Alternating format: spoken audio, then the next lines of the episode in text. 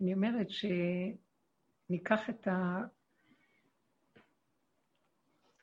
עדיין אנחנו בהשפעה של הפרשה, פרשת וישלח, שהיא פרשה אה, מאוד חשובה. לא כל, כל הדרך שאנחנו כותבים או מדברים עליה, היא בעצם המטרה שלנו בכתיבה, גם בדיבור, לחזור על עקרונות הדרך. מה העיקרון של הדרך? ולמצוא את זה בתוכנו, על ידי כל ההתנסויות שאנחנו עוברים במשך היום, בעולם ביני לבין עצמי, בעולם ביני לבין החוץ, ואותו דבר בפרשה. מה אנחנו יכולים למצוא מהפרשה? דברים שהם בעצם, אה, אנחנו יכולים לפרק אותם וללמוד עליהם בדרך, באופן של הדרך. כי בזאת אנחנו בעצם מגלים את האמת שקיימת בתורה, והיא מוסתרת. כי התורה מספרת לנו סיפורים, אה, היא מביאה לנו דברים מאוד יפים, ואנחנו הרבה פעמים אה, אוחזים בסיפור, ולא מספיק נכנסים לדרגות הפנימיות של העומק, שבו אנחנו יכולים לפרש אותו על פי פשט. פשט שלו בפשטות. יכולים לפרש אותו על פי דרש, יכולים לפרש אותו על פי סוד וכן הלאה. אנחנו מפרשים אותו על פי הדרך. מה זה הדרך בעצם? הדרך איך לקחת את הסיפור אה, ולהביא אותו למציאות של איפה אני מוצאת את עצמי בתוך הדמות, או בתוך האירוע, ואיך אני מגלה, כלומר, בתוך יעקב את עצמי, בואו ניקח דוגמה, בתוך עשיו את עצמי. בדרך כלל אנחנו במוח של עץ הדת מבדילים בין הדמויות, ואנחנו אומרים זה טוב, זה רע. וכמובן אנחנו רוצים לשייך את עצמנו עם הטוב והחיובי. אבל התפקיד שלנו בדרך היא לפרק את תודעת העץ, כי אין לזה סוף זה מעוות לא יוכל לתקון, ואם אנחנו לא נרד לשורשים שלו ולפרק, לא יכולה להיות פה גאולה. יכולה להיות גאולה לפרטים ולבודדים, שיש להם את הרמה אה, לעבוד בדרגה של התעלות, או באמת במידת הדין גדולה. אבל העם הפשוט לא יוכל להגיע לגאולה בבחירה ובעבודה עצמית. כי אנחנו תחת השפעה מאוד מאוד גדולה של התודעה הזאת. אנחנו אפילו לא יודעים שאנחנו תחת השפעה, ונראה לנו שככה זה החיים. וכשאנחנו מתבוננים על ידי הכלים שהדרך נותנת, אנחנו מתחילים להבין את הדברים בצורה אחרת לגמרי. אני לוקחת את יעקב אבינו במפגש שלו עם עשיו, ואני רואה את עצמי בעצם נפגשת, בוא ניקח שאני יעקב והשני עשיו, או יכול להיות גם הפוך, אבל במקרה הזה. ואז אני רואה כמה בעצם יעקב אבינו, שאני מתבוננת בו, אני לא לוקחת אותו בדרגתו, אני לוקחת את עצמי, שאני רוצה למצוא את עצמי ביעקב. אז מה אני רואה? הפחד שלו מעשיו. הפחד שלנו מאנשים חזקים בעולם. הפחד שלנו מן העולם בכלל, מפעולות, מעשיות שונות, מתוך ההתנסות שעברנו, שאנחנו מקבלים מכות, כי העולם, הוא, יש בו אה, הרבה שלילה, ואנחנו מפחדים. כשאני מתבוננת בפחד שלי ממישהו אחר, אז מה אני עושה? אני הולכת לפגוש מישהו שאני מפחדת ממנו. הדבר המיידי שאדם אה, שהוא מפחד, בדרך כלל הוא רוצה, בדרך כלל, החלש רוצה לרצות ולפייס את החזק. הוא לא רוצה להיתקל איתו, הוא לא רוצה להיתקל בו, הוא לא רוצה להתרגש ולהתרגז עליו, הוא מפחד מהתגובה של החזק. אז הוא חושב שאם הוא יתחנף או אם ירצה, אז הוא יכול בעצם על ידי זה למצוא חן בעיניו, ואולי ההוא ירחם עליו ובכלל יעזוב אותו לנפשו. ואנחנו לא מבינים במהלך הזה שהכוח של החזק, זה שבא מולי, נובע הרבה, וזה לא שזה התחיל ממני, כל הכדור הזה פועל ברמה הזאת של דורות ושנים. שאני מפחד ואני נותן, במחשבתי אני מחפש עצות, ואני מתחנף ונותן לשני כוח על ידי הפחד הזה, בעצם אני גורם לו להיות חזק. זה אחד היסודות שאנחנו מתבוננים בתודעת העץ. אף פעם אין לה סוף, כי כשזה קם זה נופל, וכשזה נופל זה קם. ואחד צריך את השני, כי אין לאחד שום יכולת לחיות בלי השני, כי אף אחד מהם לא קיים באמת. הפחד שאני מגשימה אותו נותן כוח באדם החזק להתגבר עליי. איך הוא נהיה חזק בכלל, שכולם אומרים, אוי, זה אדם נורא ואיום. איוונה היום, פחד פחדים. איך הוא נהיה כזה? כי העולם מלידתו נותן לו כוח כזה. איך? כי יש לו איזו תכונה באמת, שהוא, יש לו איזה יסוד פנימי של חוזק, של, בוא נגיד, מידת הדין, של איזה אה, יסוד בקרבו של רוע, של שלילה, של דין. אבל השני ממולו, כשהוא מגיב לו, אז הוא נותן לו מזון, הוא מזין אותו ומגשים אותו, שהוא באמת מפעם לפעם לפעם גדל. ואז אחר כך, שאני הקטנה והעלובה פוגשת אחד כזה שכבר איזה שודד ידוע, אז אני אפחד, כי זה לא התחיל ממני. ובאמת אנחנו לא רוצים להיתקל באנשים כאלה, אבל יש דבר אחד מאוד נפלא שאנחנו יכולים לעשות בדרך שלנו, זה להתחיל להתבונן בעצמנו. ההכרה של הפחד, אני לא הולכת לחפש לי אנשים חזקים כדי באמת להתגבר על עצמי. אני משתדלת שלא לפגוש בהם בכלל.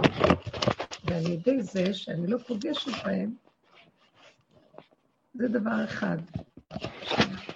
אבל דבר שני, אני לא רוצה גם לשבת עם עצמי עם הפחד. אז מה אני עושה? אני מתבוננת במה שהמחשבה מעלה לי. ואני מתחילה להתבונן ולראות למה אני מפחדת. אני נותנת כוח. למה אני צריכה לחשוב בכלל על מישהו? אה, אם אני סוגרת את המוח וחיה כאילו אין לי מחשבה בכלל, אני דוחקת את המחשבה, מפרקת אותה בעצם. מסתכלת על הפגם שלי, מסכימה שאני לא יכולה להכיל את הפחד.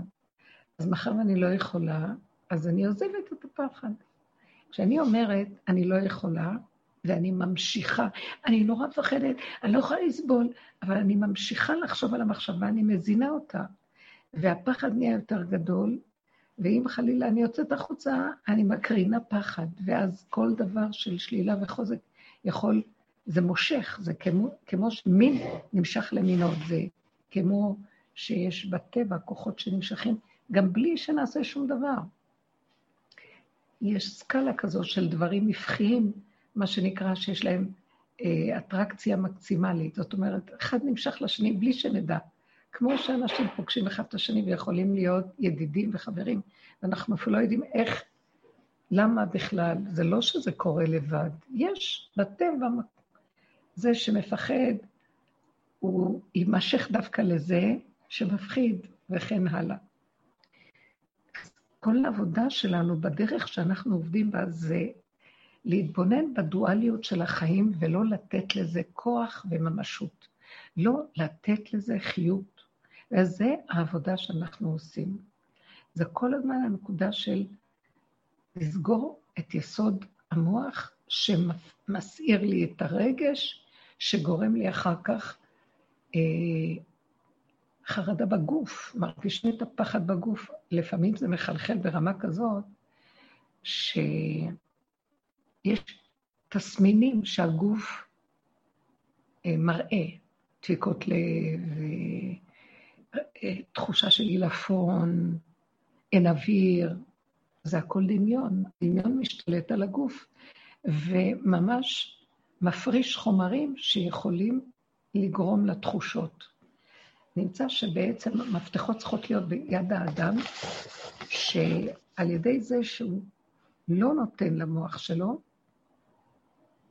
צריך להיות חזק. ההתבוננות צריכה להיות חזקה, וזו עבודה של שנים. אבל הקליפות של עץ הדת נשברות, כי הדמיון מתגלה. בואו ניקח את יעקב אבינו, אני כתבתי את זה באלון, אז אני לא רוצה בדיוק לחזור על זה, אולי כן, אבל ניקח את יעקב אבינו אחרי שהוא מתפלל להשם שיציל אותו מעשיו, ומכין את עצמו לריצוי על ידי הדורון, וגם אפשרות של מלחמה, האם הוא יצטרך ולא תהיה לו ברירה, ובסוף לתפילה. האמת שכשהוא מגיע לתפילה, הוא נמצא מול בוראו. כשהוא עומד עם שתי האפשרויות של ריצוי או מלחמה, זה דרך עץ הדעת. התפילה שיעקב התפלל, הוא לקח את שני הנתונים והתבונן בעצמו וראה שאם שניהם גם יחד, הוא יכול שלא להצליח, לא הריצוי וגם לא המלחמה, כמו שמצינו, שעשו בכלל לא הסתכל על הדורון שלו. זה היה קטן בשביל עשו, כי עשו, כוחו של השלילה היה כל כך גדול, שהוא היה שיכור מרוב כוח של מלחמה. אז מה אכפת לו לקבל עוד כבשים ועיזים וצאן? הוא היה לו, הוא לא היה עשיר מצד עצמו. ומצד הכוח, ברור שהכוח שלו היה כל כך חזק, שהוא בוודאי התגבר במלחמה על אה, יעקב, ויעקב ידע את זה. איך הוא יכול להתכונן למלחמה עם הצאן שלו, עם ה-11 ילדים הקטנים שלו, עם שתי, ארבע נשים שהיו לו, שתי הנשים ושתי השפחות? אז כאשר הוא פונה לצד השלישי, הוא פשוט חוזר ליסוד של עצמו. באמת. ואיך הוא הולך? הוא נכנס לתוך, זה בדיוק מה שאנחנו עושים בעבודה. הוא אומר, גם לא הצד הזה וגם לא הצד הזה, ואני נכנס בסוף אליך, בורא עולם. זאת אומרת, אני מדבר מתוך הפגם שלי, ואני אומר, ריבונו של עולם, הפגם שלי זה שאני בתודעת עץ הדת, זה הפגם. נחזור ונגיד, מהו הפגם? החשיבה של עץ הדת, כשהיא מתבוננת על הטבע, על המידה, היא שודדת אותה, היא מגדילה אותה, היא מפחידה אותה, היא שמה עליה זכוכית מקדלת, היא אה, מבקרת אותה, וכן הלאה וכן הלאה. אז התכונה כבר לא אמיתית. התכונה מושפעת מהמוח, כאילו שמו עליה עין רעה, ואז היא כבר לא מה שהיא. אז הוא חסר אונים, הוא לא יכול לסמוך על עצמו, והוא היה איש של אמת, והוא ראה שנקודת ימין ונקודת השמאל זה לא האמת, אבל להיכנס לתוך יסודו ולהודות ביסוד האמת של עצמו, שהוא לא יכול, הריצוי לא יעזור, וגם המלחמה לא תעזור. והוא קטן. אז הוא לוקח את יסוד הפגם שלו, זאת אומרת, הוא מכיר שההשפעה של עץ הדעת היא לא טובה. מול בורא עולם אתה לא יכול לבוא עם ההשפעה של עץ הדת, אתה יכול רק לבוא עם וידוי דברים שאתה מושפע מהתודעה של עץ הדת. ריבונו של עולם, אני מושפע מהתודעה. אני לא רוצה שההשפעה הזאת תצא החוצה, ואני לא רוצה לפעול איתה, לא בימין ולא בשמאל. וזה גוף המכניס אותי לקו האמצע. תפילה כזאת שאני מוסרת לו, לא ימין ולא שמאל. תרחם עליי ותעזור לי, כי אני יכול כן ללכת בימין או בשמאל. אני יכול או להתלבש בריצוי, או לתפוס אה, איזה כעס ושיגעון וללכת במלחמה ולהשתגע. אז אני לא טוב, תחוס עליי ותתגלה עליי ותעזור לי. ואני באה אליך עם העליבות שלי, שבאמת הכל זה דמיון. כי כמו שאמרנו, עץ הדעת, גם הריצוי, גם המלחמה יונקים זה מזה. הוא צריך את פחד מהשני כדי ללכת לחניפות וריצוי. והשני, כדי שיהיה לו כוח ושהוא ירגיש שהוא שולט, צריך את החלשות ואת ההתמסכנות של השני שמולו. אז שני הדברים האלה הם דברים שנוצרים על ידי הכוח שהאדם נותן במחשבתו והרגשתו. וכשהוא רואה את זה, ואומר, אני לא רוצה לסמוך על זה, אני לא יכול לסמוך על זה, אז אני חייב אותך, רק אתה יכול להתגלות. הכוח הזה של גילוי התפילה, זה גילוי מודעת אמת. אדם מודיע את האמת לבורא עולם. הודאה, מוד, אומר את האמת, מתוודה על האמת. זה הכוח, הוא בעצם הכלי הכי גדול שיש לנו בעבודה הזאת. להודות על הפגם, להודות באמת, לבקש רחמים ולהישאר על עומדנו, ולהתרוקן מהמוח, כדי להיות כלי לגילוי של השם שיכול להיות דרכנו. כי מה שיקרה הוא יכול להיות, אני משערת. פתאום השם יכול להסיח את דעתי, ואני לא אדע מי זה האיש הזה, מה זה, כלום. אני אעמוד מול דבר, ואין לי מחשבה עליו בכלל. האם אני אפחד? גולם לא מפחד, הוא לא יודע. יש לו פחד עצמי קיומי תמידי, מרוב יראה שהוא כל כך תלוי, הוא כל כך כלום, הוא יודע את הכלום שלו, אז הוא מפחד שהוא לא יתבטל כל רגע במציאות. על כן הוא תמיד צריך את הקשר עם הבורא.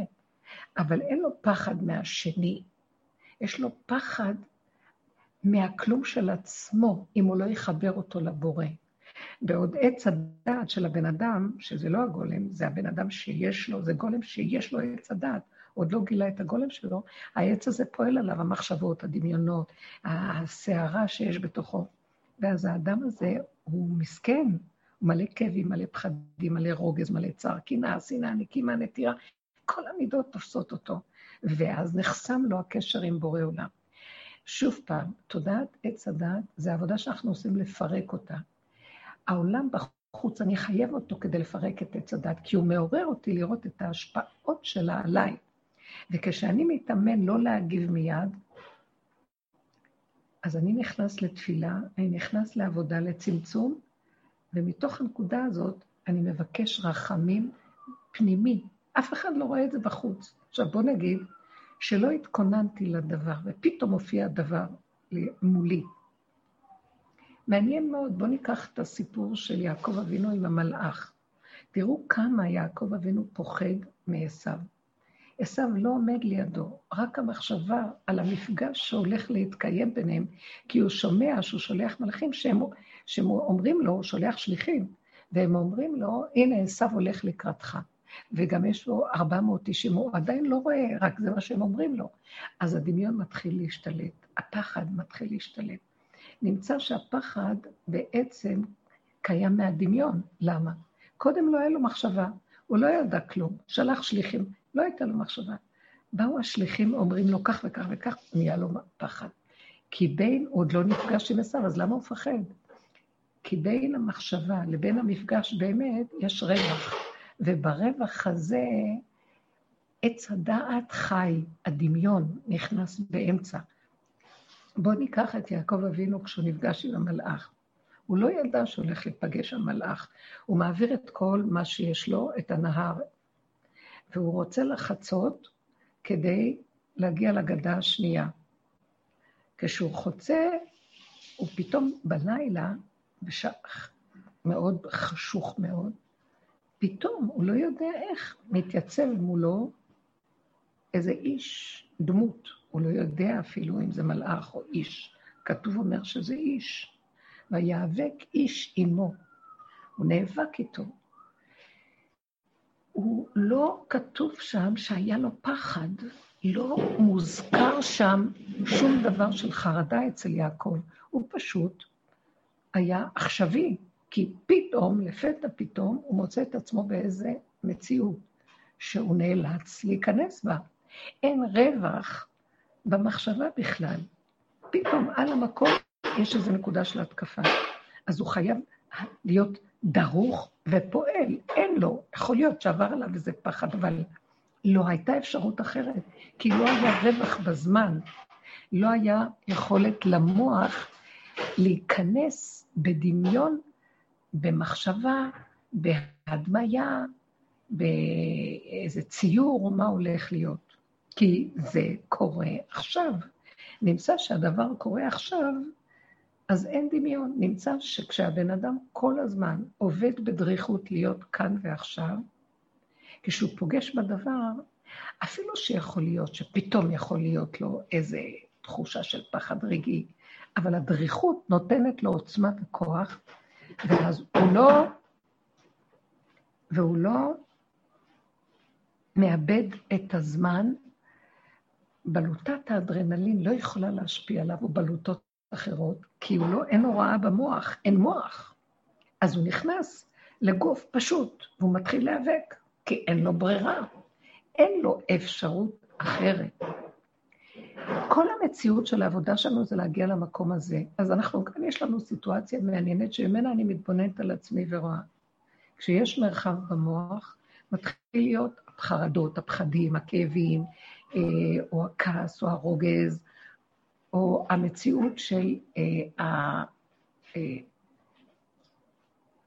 כל מידה אחרת שיכולה להודות, קנאה, שנאה, נקימה, נטירה, ואת ואז מתחיל הדמיון, כי ברגע שיש את התופעות האלה, את הידיעה של משהו, אז מתחיל להתרחב עליי הדמיון, ואני מתחילה לצייר ולדמיין, ואז הבלוטות מתחילות לפעול, ואז התוצאה ניכרת עליי. הצד השני של המלאך מראה לי, אין לי רווח זמן, אין לי, אין כלום, לא יודע, אני לא יודע, פתאום מציאות מול העיניים. עכשיו, המציאות הקיומית דורשת דריכות, אה, דורשת נוכחות, דורשת פעולה פשוטה, כאן ועכשיו. שימו לב איזה פשוט. אני רוצה להתבונן טוב טוב. חז"ל אמרו שהאיש שנאבק עמו היה שרו של עשיו, מלאך. הוא יכול היה לס... לשרוט עם המלאך, אבל עם עשיו היה לו קשה, והמלאך היה שרו של עשיו. אתם יכולים להבין את זה? האש של עשיו. הדרגה שזה יסוד בכלל לא בטבע של בני אדם. איתו הוא יכול היה להתגבר, ועם עשיו הוא פחד, שהיה בן אדם. בואו רק נברר שהמלאך הוא לא אלוקות, המלאך הוא נברא של האלוקות. הוא היה רק בדרגה יותר גבוהה ממציאות האדם. האדם בדרגת אה, מציאות האדם שלפני החטא היה יותר גדול מכל המלאכים. מציאות האדם היא המדרגה הכי גבוהה שקיימת בבריאה. כי היא מציאות שיש אלוקות בתוך האדם, נשמה אלוקית. בו שהמלאך מצד עצמו אין לו נשמה אלוקית. יש לו כוח שהשם נותן בטבע למלאכים. נותן להם תפקידים, והשם נותן להם, כשיש להם תפקידים, אה, יכולת וכוח לתפקיד לפעול, והם בדרגה של בלי גוף, שכליים נבדלים. הם לא כמו אנחנו בגוף. לאחר החטא של אדם הראשון, אה, אז האדם ירד ממדרגתו, של מדרגת האדם, והוא גם נשלט יכול להיות על ידי המלאכים, כי הוא משתמש בכוח הגוף שלו, הוא פועל מעשים לא טובים ונופל למדרגה של בהמה, לא משתמש בכוח השכלי שלו להיזהר, וביכולת להגיע למדרגות הלוואי, כמו הצדיקים הגדולים, אברהם, יצחק ויעקב, בכל הדורות, שושלת הצדיקים, כל אחד לפי דרגתו, שהם מנסים להדביק ולהגיע למדרגת אה, האדם של לפני החטא. לא הרבה מצליחים, וכל אחד בדרגתו. כי מדרגת האדם הראשון הייתה מושלמת, מדרגה שהיא למעלה מכל כוחות הטבע. אבל המלאך הוא בתוך כוח הטבע, ועל כן אסור לנו לעבוד למלאכים, חס ושלום, לסגוד למלאכים, להתפלל למלאכים אסור לנו. המלאכים הם רק שליחים, הם רק יצורים נבראים. אבל בכל אופן, הם מדרגה יותר מהבני אדם כרגע.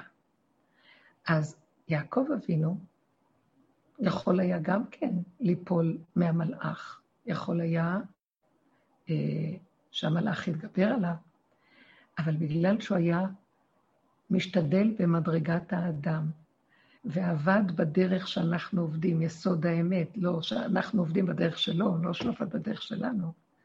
ממנו יש לנו את הדרך. זאת אומרת, שהוא כל הזמן חיפש את השם, את נקודת האמת. נקודת האמת זה השם שנמצא בכל דבר.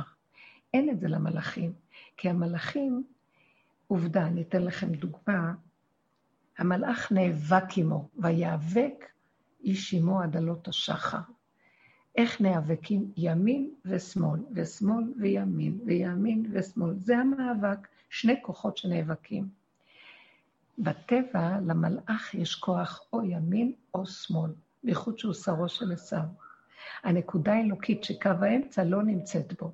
לעומת זה, יעקב אבינו, שכל הזמן חיפש את השם, וכל מה שהוא עשה, כל הזמן הוא רצה למצוא איפה נקודת האמת. יעקב היה בין אברהם לבין יצחק, אברהם החסד, יצחק הגבורה, והוא קו האמצע, קו האמת. אז קו האמת, שם נמצאת האלוקות. גם אצל אברהם הוא מצא את האלוקות והיה אמת במציאותו, אבל הוא עבד את השם עם כלי החסד. ויצחק גם מצא את השם בכלי הגבורה. יעקב אבינו מצא אותו עם יסוד האמת, כלי האמת. כלומר, הוא כל הזמן חיפש את הנקודה השלישית שבדבר. ולכן הוא יכול היה להתגבר על המלאך. כלומר, שימו לב, מה שאנחנו עושים בתודעת עץ הדת, אנחנו מחפשים כל הזמן, בתודעת העבודה, אנחנו מחפשים כל הזמן את הנקודה השלישית, לא את הימין ולא את השמאל. כלומר, אנחנו מתבוננים ורואים כל התגובות שלנו, כל האיסורים והכאבים, באים מדבר והיפוכו. זה אמר לי משהו, אז אני כועסת עליו למה הוא אמר לי. זה עשה לי ככה, אני אפחד שהוא יתגבר עליי.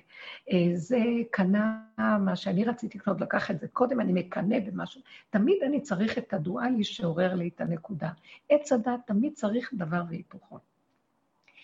העבודה שלנו זה רק להתבונן כמה אנחנו עלובים בין שני כוחות שבעצם אין להם מצד עצמם כוח, הם תחת חסות הדמיון, ואחד חי על חשבון השני. לו יצויר שאני רוצה לא להשתייך לצד השני, כלומר, בוא נגיד אחד מרגיז אותי, ואני נוטה להתרגז, להתרגש מזה שהוא מרגיז אותי. אם אני לא אתרגש ואכנס פנימה ואתבונן שאני הולכת להתרגז ולהתרגש, ואני לא רוצה להוציא את זה בפועל, לא רוצה לתת למוח שלי שיגיד לי, כך הוא אומר לך, תעני לו, ואל תסכימי בשום אופן. אני לא רוצה להקשיב למוח הזה, ואני יורדת למטה ומסתכלת בסכנה שלי שעוד מעט אני אפעל דבר כנגד דבר. אני נכנסת לקו האמצע, קו השלישי, כי אני מכירה את הפגם שלי ואני מדברת עם בורא, אני מסתכלת על עצמי ואומרת, אני לא בוחרת להיות שם. הכוח של עץ הדת נופל. כלומר, יעקב אבינו, סגר את מוחו. לא שהוא סגר כשהוא ראה את המלאך, המוח שלו היה סגור, כי הוא היה בקו האמצע כל הזמן. הוא כל הזמן היה נוכח, הוא היה יסוד האמת. הוא כל הזמן פירק את המוח שלו ולא נתן למחשבות להשתלט עליו, אלא כל דבר הוא רק הביא למציאות השם. לבן הרגיז אותו, הוא התפלל וחיפש את השם שבדבר. אה, צרה כזאת או צרה אחרת. גם למשל בפרשה, כאשר באו להגיד לו ששכם בן חמור, חמור בן שכם, שכם בן, לא, חמור בן שכם, אה, תפס את דינה ועינה אותה, כש... וישמע יעקב, כשיעקב שומע, ויחריש, הוא שותק. הוא נכנס לנקודת האמת שלו לברר. לקחו את הבת שלו, תפסו אותה והתנהגו אליה שככה לא מתנהגים. גם אז זה היה ידוע. בני חם קיבלו על עצמם לא ללכת בזימה. זה היה ידוע. אז בכל אופן, עוד לפני שניתנה התורה, זה היה ידוע שלא מתנהגים ככה. והוא הלך ועשה דבר עכשיו, יעקב אבינו מתבונן, הוא שותק עד שבאו הבנים שלו מהשדה ושמעו את מה שקרה. ואז אה, מי שפעל היה שמעון ולוי, שלקחו את החרבות שלהם והרגו את כל העיר. אבל בכל אופן, יעקב אבינו מחריש, הוא לא מגיב, הוא לא נכנס למציאות של להאמין ולפעול לפי מה שהוא שומע. הוא נכנס פנימה, שקט.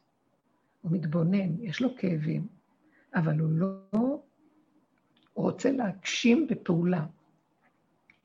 הוא מחכה לסיבה.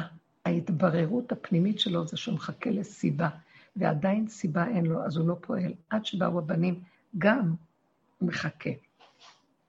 גם כאן עם המלאך. מציאותו הייתה שהראש שלו, המוח שלו היה סגור, והוא מעביר את הדברים ועסוק בהעברת הכלים שלו מהגדה הזאת לגדה השנייה. כשהוא מגיע לגדה, פתאום הוא רואה דמות שמתחילה להתקרב ולהיאבק איתו על המקום. זה גם צריך להבין, אולי הוא לא התקרב, אולי זה לא היה כמו שלנו נראה, שזה היה מאבק חיצוני, אולי זה היה מאבק פנימי בתוך נפשו. אני לא יודעת, המפר... הכתוב אומר, ויאבק איש עמו עד עלות השחר. כוח רוחני שנאבק עמו, ברמה שנראית כמו אדם, איש. הוא היה צריך להיות מבועת, מבוהל. הוא לא, אין לו, הוא היה כל כך נוכח ועכשווי ובנקודת האמצע, שלא היה לו את המוח של עץ הדת להפחיד אותו, להחריד אותו ולהסעיר אותו. ושוב פעם נחזור, מעניין, לפני כן, כאשר הוא יודע על עשיו, בין הידיעה לבין המפגש, נכנס פחד מאוד גדול, ואז הוא מנסה לעשות פעולות. או לרצות על ידי הדורון, או להתכונן למלחמה. ובסוף הוא תופס את נקודת התפילה.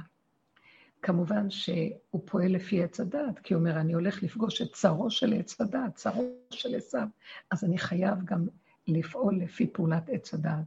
אבל היסוד הפנימי שלו התחבר להכרה שהוא רגיל בה, לחפש איפה נקודת האמת פה, מה הייתה נקודת האמת שלו,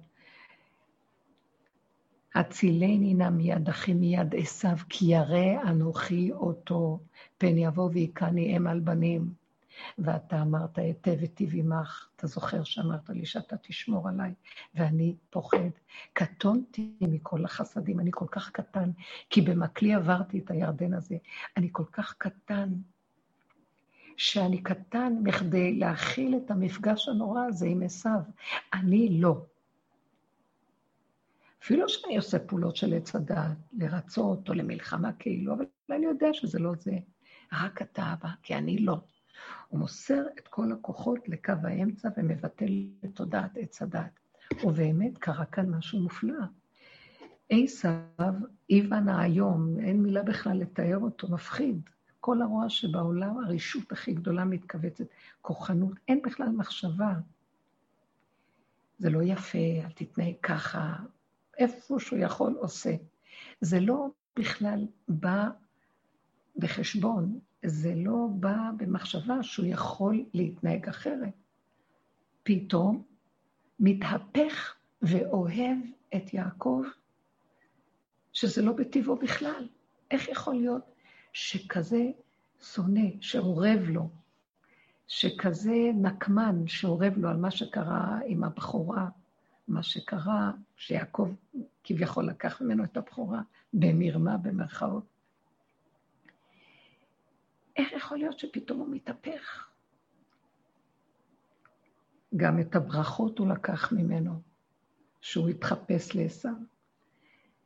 קרה כאן משהו. כאשר יעקב אבינו הגיע לנקודת האמת, הוא מתוודה עליה, נכנע ונכנס בה עד הסוף, הוא מתבטל למציאותו לפני בורא עולם, הוא מכיר את פגמו ומכיר את אפסיותו, יעקב הקטן, דוד הקטן, זה אותו כיוון של קו האמת.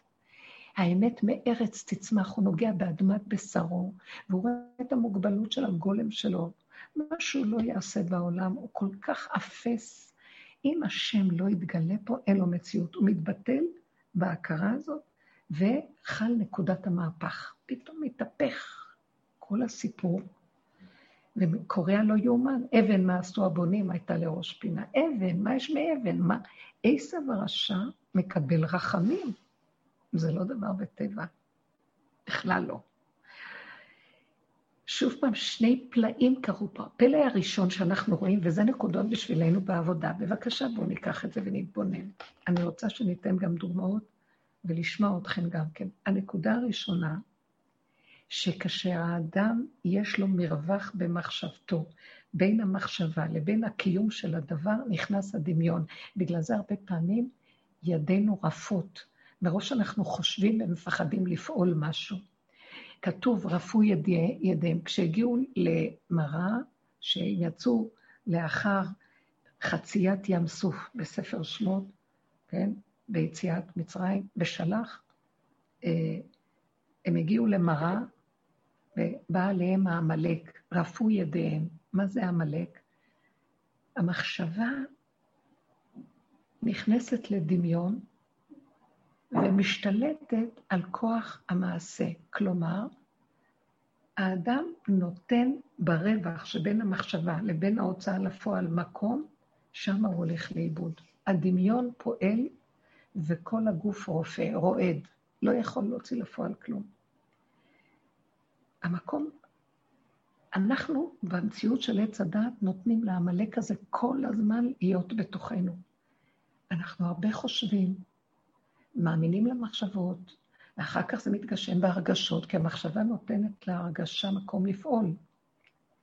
ואחר כך הגוף שלנו חלש, או שאנחנו פועלים, אבל מבולבלים, ועושים שטויות, והולכים ובאים, ולא מדויקים, ולא נכוחים. אנחנו, אנחנו לא חיים בנוכחות. אז המהלך שלנו, שאנחנו הולכים לאיבוד ומשתלט העמלק, עץ הדת של העמלק, דרגות שונות של עץ הדת. כאשר יעקב פוגש את המלאך, שימו לב מה קורה פה, שוב פעם לחזור על זה. הוא חי בתמידות בעכשוויות. אין לו משהו שבא להפריע לו, אין לו ידיעה שהולך לפגוש מישהו, אין לו כלום, המוח שלו סגור, הוא פועל פעולות. בדרך כלל נוח לנו במקום הזה, שקט לנו. אבל אנחנו ששקט לנו כשאין לנו ניסיון, איפה אנחנו נמצאים לעומת יעקב אבינו? אנחנו מרחפים, אין לי עכשיו שום התנסות. תנו לי איזה כוס קפה, רוצה לרחף, רוצה להיות באיזה מקום, כי אין לי עכשיו ניסיון, אז למה לי? בואו נרחף קצת, נשתחרר מהלחץ. יעקב אבינו, כל רגע פנאי שהיה לו, היה ממקד בעבודה. הוא לא נתן למחשבות לרחף, הוא לא נתן למציאות שלו ללכת לאיבוד, הוא היה מייחד את הכל לבורא עולם. כלומר, הוא היה שוהה בקו הנוכחות, הרגע, כאן ועכשיו, וכל דבר הוא היה מייחד להשם. כלומר, ניתן דוגמאות. אה,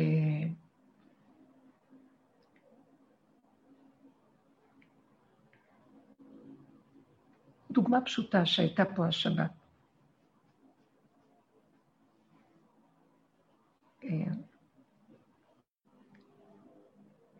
בואו ניקח דוגמה, באמת קשה לי לתת אותה, או חשבתי על דוגמאות אחרות.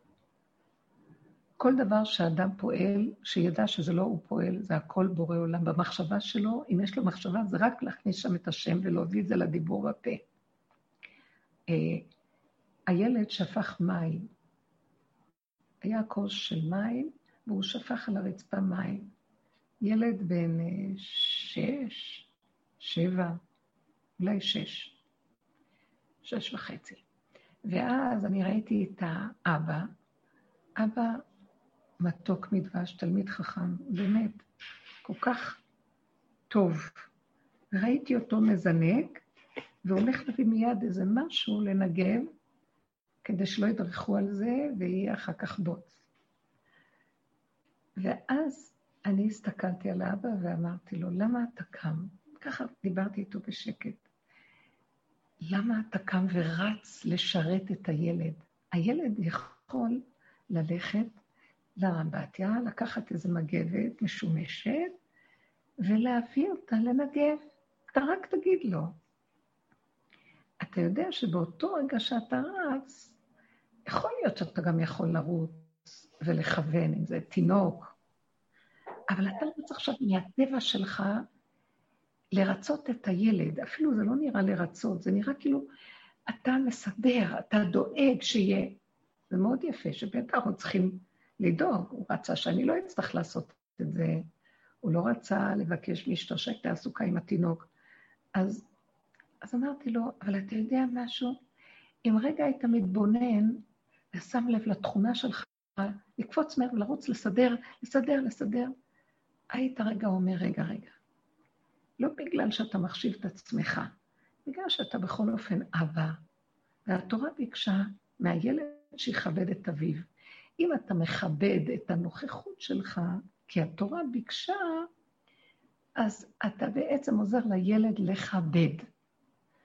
הילד הוא לא תינוק, הוא יכול לקום ולהביא. מדוע אתה רץ, ואני ראיתי אותו רץ, אמרתי לו את זה אחרי, רץ, מביא את המגבת, משתטח על ה...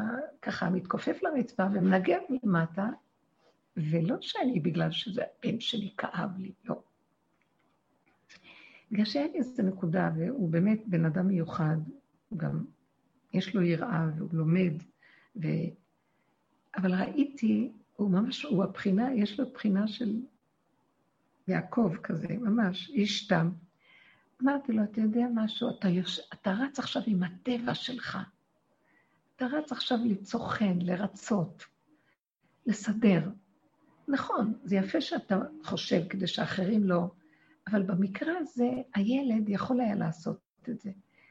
תייחד את השם, ככה אמרתי, תייחד את המקום שלך לכבוד השם. תגיד, השם, אתה נתת לי תפקיד, התפקיד הוא שלך. Uh, התורה היא שלך, מצוות כיבוד הורים שלך. אתה רוצה שאני אזכור שזה הכל שלך, ואני לא אתן לטבע שלי שרץ, יש לו את הטבע מהר לרוץ, לעשות דברים, לרצות. הטבע שלי אה, לא ירוץ, כי אז אני לא הולך איתך. כשאתה יושב על הכיסא, זה לא שאתה שולט בילד, או אתה אבא מכובד. אתה מייחד את השם, אתה נותן להשם את הילד, את המצווה, את התכונה. אתה מאפשר לגילוי השם עכשיו פה, שזה לא יהיה, שימו לב, בדקות, במעשה הפשוט. הוא הכיר בזה והוא אמר לי, נכון, שיש לי נטייה לקפוץ ולעזור. אמרתי נכון, התרגלנו, כי יש לך ילדים ואתה רוצה לעזור, אבל יש משהו ש... בוא תבחין קצת, תיקח את הנקודה של ההבחנה. ילד גדול, אתה יכול להגיד לו, בבקשה, אתה יכול ללכת להביא את המגבת ולהספיג אותה שם, אבל אתה עושה לבד. יש פעמים שאתה כן צריך, אבל בכל דבר שאתה עושה, הלוא אתה יודע שצריך להיות השם, כי אתה יודע אותו במוח, אתה לומד תורה, לומד גמרא, מקיים מצוות, אבל כשזה בא במידות, להנהגה נמוכה פשוטה, אתה רץ. אתה יודע שדווקא במקומות הכי קטנים שם, יש לך כבר 70 אחוז. את ה-30 אחוז חסר שתוריד. הדרך שלנו מורידה את השם, כי כל הדורות עשו הרבה עבודה להכיר שזה השם. אנחנו אומרים השם, יודעים שיש השם, מאמינים שיש השם במוח. באותו רגע שהוא קם לנגב, הוא לא האמין שיש השם. הוא לא, מה זה לא האמין? הוא לא נתן להשם להתגלות גם בדרגה הפשוטה הזאת. אז יעקב אבינו בכל דרכיו נכנס בנקודה. עכשיו, אני יכולה להבין שגם כשהוא בכל דרכיו נכנס לנקודה, יכול להיות ניסיון מאוד גדול, כי האדם, כל עוד הוא חי בתודעת עץ הדת בעולם הזה, תמיד יבואו ניסיונות. עשר ניסיונות שנתנסה אברהם אבינו, עשר ניסיונות שנתנסו עם ישראל במדבר, שהם היו דור דעה ואנשים גדולים. כל הצדיק, כל הניסיונות של כל הדורות שלהם, אנחנו יכולים ליפול, זה ברור, כי יש ניסיונות קשים ולא בקלות, אבל אם מתאמנים משתדלים להכניס את התודעה של הדרך ולהתאמן על המקום הזה של לא להגיב, לא לרוץ, להתבונן בתוואים שלנו, כל אחד מה שהוא בטבעו, ואנחנו כולאים את זה ומתבוננים בעצמנו ומביאים את זה לפני השם. זה היסוד של התפילה. התפילה זה לא רק שאני לוקח סידור ומתפלל, או שאני מרים את העיניים לשמיים ואומר, השם, תעזור לי. התפילה של הדרך היא באה מהבשר, מתוך הטבע, מתוך התכונה, מתוך הפגם, מתוך הנקודה שאני רואה שזה מה שמפריע לי. וברוב המקרים עץ הדת רוצה שנסגור את אותו נקודת פגע, פגם, ונרחף בגובה הרוחני, ומשם להתפלל. זה בגלויות עשינו את זה. אנחנו פה רוצים להתפלל מהמצוקה, שהיא לא תבוא מצוקה גדולה, על מנת שלא תבוא מצוקה גדולה, לתפוס את הדברים הקטנים, כמו דבר כל כך פעוט, ללכת, להביא מגבת, להשתתח, לסדר ולעשות. זה לא חשוב. והוא יודע את היסוד הזה. יש גם איזה פרויקט שהוא אמר לי שהוא עסוק בו. אז אמרתי לו, זה מאוד מאוד יפה, פרויקט גדול, ודברים טובים שעושים, אבל אם בדברים הקטנים אנחנו לא מכניסים אותו, אז בדבר הגדול זה רק דמיון, כי אתה לא יכול להוכיח שאתה מייחד את השם בדבר הגדול, עד שלא הוכחת שבקטן אתה מייחד אותו. כי נוח לי להגיד השם בגדול. בונים בית כנסת, כל הקהילה סומכת עליי, אני עושה דברים. בדבר הקטן אתה לא, מי אומר שבדבר הגדול זה לא האגו שלך רץ ועושה את הדברים? כי נוח לך, נכון, אתה עושה לשם שמיים, בהחלט. אתה עושה לשם שמיים, אתה מתמסר לציבור, מאוד יפה. בכל אופן, נוח לך שם להתמסר. למה פה אתה לא מתמסר גם לנקודה של תמסור את זה להשם? אז יעקב אבינו היה במקום הזה, שכשהוא פגש את המלאך זה היה רגיל בתוכו להיות כל כך נוכח, שזה דבר מדהים, שהוא יכול היה להתגבר על המלאך, שמתם לב לדבר הזה? הוא יכול להתגבר על מלאך שהוא מאש, שרו של עשיו. ומעשיו הוא פחד. שימו לב מה תודעת עץ הדעת יכולה לעשות. יכולנו להיות במדרגות אחר, אחרים לגמרי, אם התודה הזאת הייתה נופלת. וכל העבודה שלנו זה לזכות להגיע למקום שניגע בעבודה הזאת, כדי שנתחיל להבחין, גאולה לא יכולה להיות אם לא נפרק את התודעה, כל אחד בדרגתו. המעט והגדול, זה לא חשוב. קטן כקוטנו, הגדול כגודלו, חייבים לנגוע בנקודות. אני אשמח לשמוע אה, אם יש לכם איזה דוגמאות, אבל אני צריכה רגע, רגע ללכת שנייה אחת, שנייה, ואני כבר חוזרת. אפשר להגיב? כן, אפשר. אני רצוי, כי אני מדברת כאן, זה כמו לימוד. אז האמת היא שאין לי שאלה, יש לי בעיקר להגיד תודה והתרגשות. זאת ורד. שבוע טוב. שלום, מה שלומך? כן. ברוך השם. והיה לי, אחד המשפטים שאמרת נגע בי כל כך עמוק. רק רגע, אני לא שומעת, סליחה, רק רגע, אני אגדיל, כן? את שומעת אותי? כן, עכשיו אני שומעת. אוקיי. אה, אני אומרת שאני בהכרת הטוב עמוקה, את אמרת משפט אחד שנגע בי כל כך עמוק. אה, את דיברת על זה שבלוטת האדרנל, היא לא יכולה להגיב כשאדם נכנס לגולם, כי זה לא הוא. נכון. ופתאום אמרתי לעצמי שזה באמת אה, ניסי ניסים, זה סוג של... אה, זה סוג של, של גאולה, של נס בתוך החיים האלה, ש... ממש, אם נכנסים לגולם, אז מאפשרים פשוט לגאולה לקרות.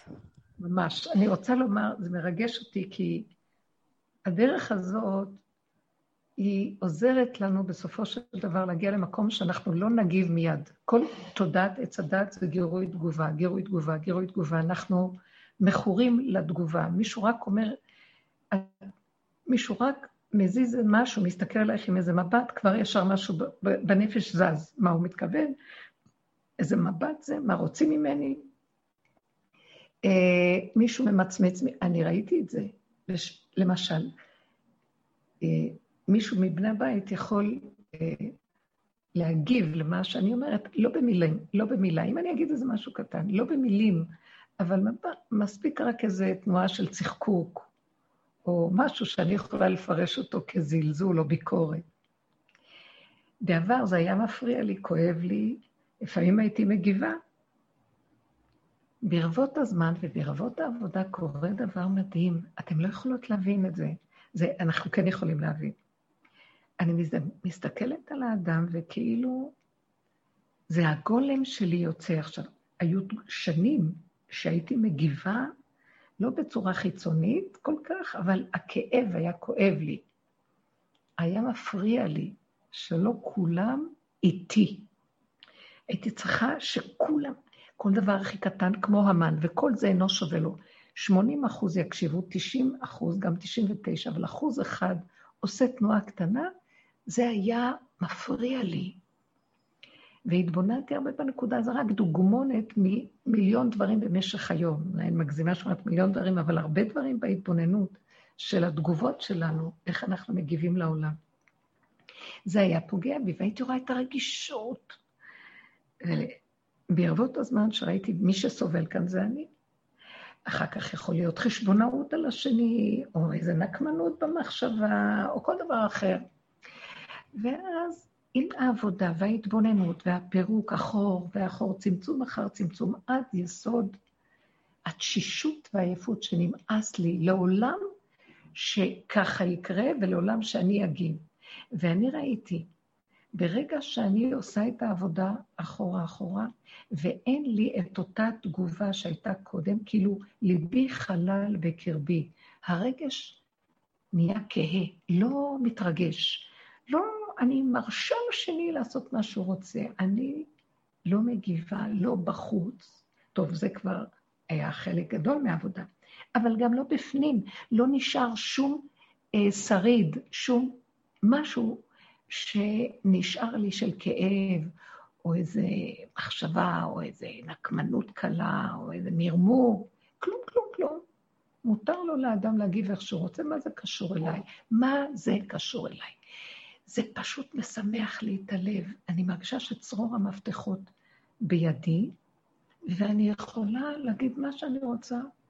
מה אכפת לי מה יגידו, לא יגידו, מה יגיבו, לא יגיבו, אני כן אמצא חן, לא אמצא חן, האם ירצו את מה שאומרת, לא ירצו, אה, יאהבו אותי, לא יאהבו אותי, וכן הלאה וכן הלאה. מה אכפת לי? כמו ילד שלא יודע כלום, אומר והולך לו. ברור שזה לא דבר שפוגע מלכתחילה, אבל סתם הפחד מהביקורת מהשני משתיק את האדם, עוד לא בא להגיד דבר, כבר שותק, הוא מפחד מה יגידו עליו. ואז הוא נכנס למקום של, אה, כמו שאומרים, רגשי אה, נחיתות או איזה פחד, וזה איך שזה שולט בכדור. ואני ראיתי בחוש שכשלא נתתי מקום לשום דבר, ראיתי אחר כך גם מהצד של אה, אותו אדם, ראיתי מין אה, רכות, התרצות. לא היה המקום הזה של שכחה האנרגיה שאני יכולתי ללבות אותה כתגובה, שכחה. לא היה שום דבר, הכל היה בסדר. מה שפעם הייתי יכולה להיות כאובה שעות, וגם בלילה, וגם אחר כך למשוך את זה לעוד דבר ועוד דבר. לספר הזיכרונות והחשבונות.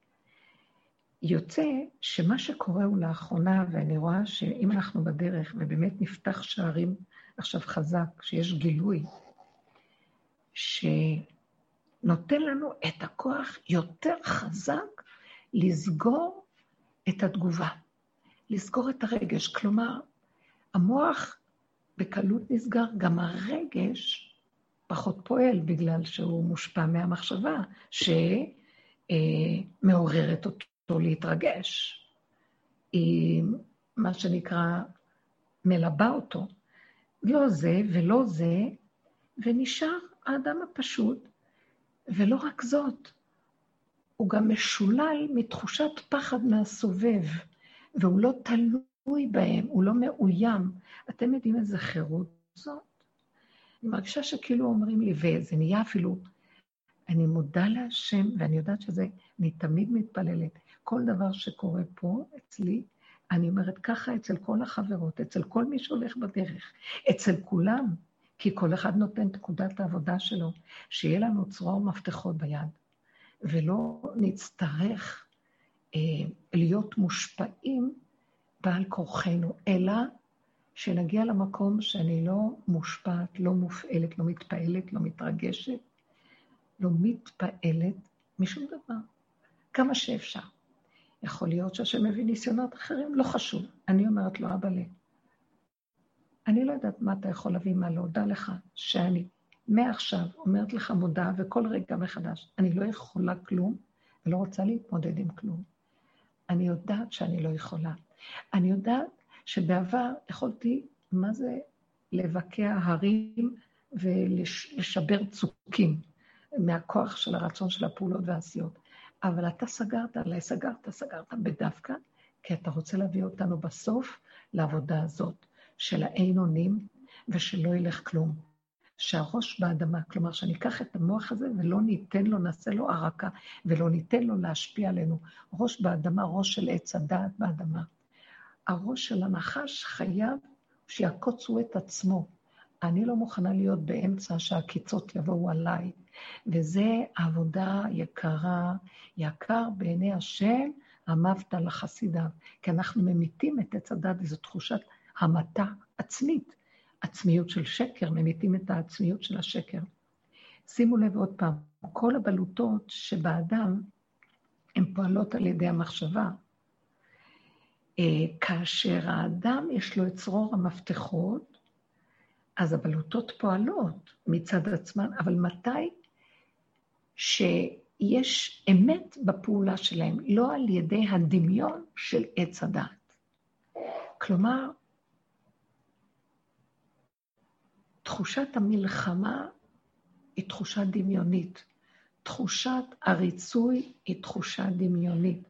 כשאני פועל מתוך עץ הדת, ככה הכדור הזה נראה. כל הזמן יש מלחמות. תמיד החזק ישלוט בחלש, והחלש ישתעבד לחזק, וייתן לו לשהות עליו, לשלוט עליו. וככה תמיד, זה האינטראקציה שיש כאן בכדור. וכשאני עומדת בעבודה הפרטית שלי, אני לא עושה עבודות על העולם, רק על העולם הקטן שלי, כי עולם קטן כזה משפיע על עולם גדול.